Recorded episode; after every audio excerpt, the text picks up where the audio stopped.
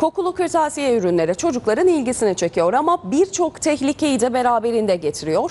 Özellikle ürünlerin içindeki kimyasal maddeler çocukları bağımlı yapabiliyor. İşte bu konuyla ilgili uzmanlar da ciddi uyarılarda bulunuyor.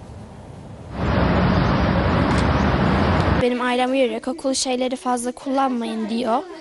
Ben de sevmiyorum zaten kokulu şeyleri. O yüzden kullanmıyorum. Hoşuma gitmiyorlar. Kalemler, silgiler, defterler, renkleri, kokuları güzel ama göründükleri kadar masum değiller. Çünkü birçoğunda zararlı kimyasallar bulunuyor. Aileler ve öğrenciler dikkat pek çok kırtasiye malzemesi tehlike saçıyor. Uzmanlar kimyasal içeren kırtasiye malzemelerine karşı uyarılarda bulunuyor. Özellikle solvent içeren ürünlerde ise koklandığı takdirde uyuşturucu bağımlılığına kadar ilerleyebiliyor. Direkt beyni etkileyerek beyin nörokimyasını, nöronları olumsuz etkileyebiliyor. Bellek, öğrenme üzerine olumsuz etkileri olabiliyor kronik yoğun kullanımlarında.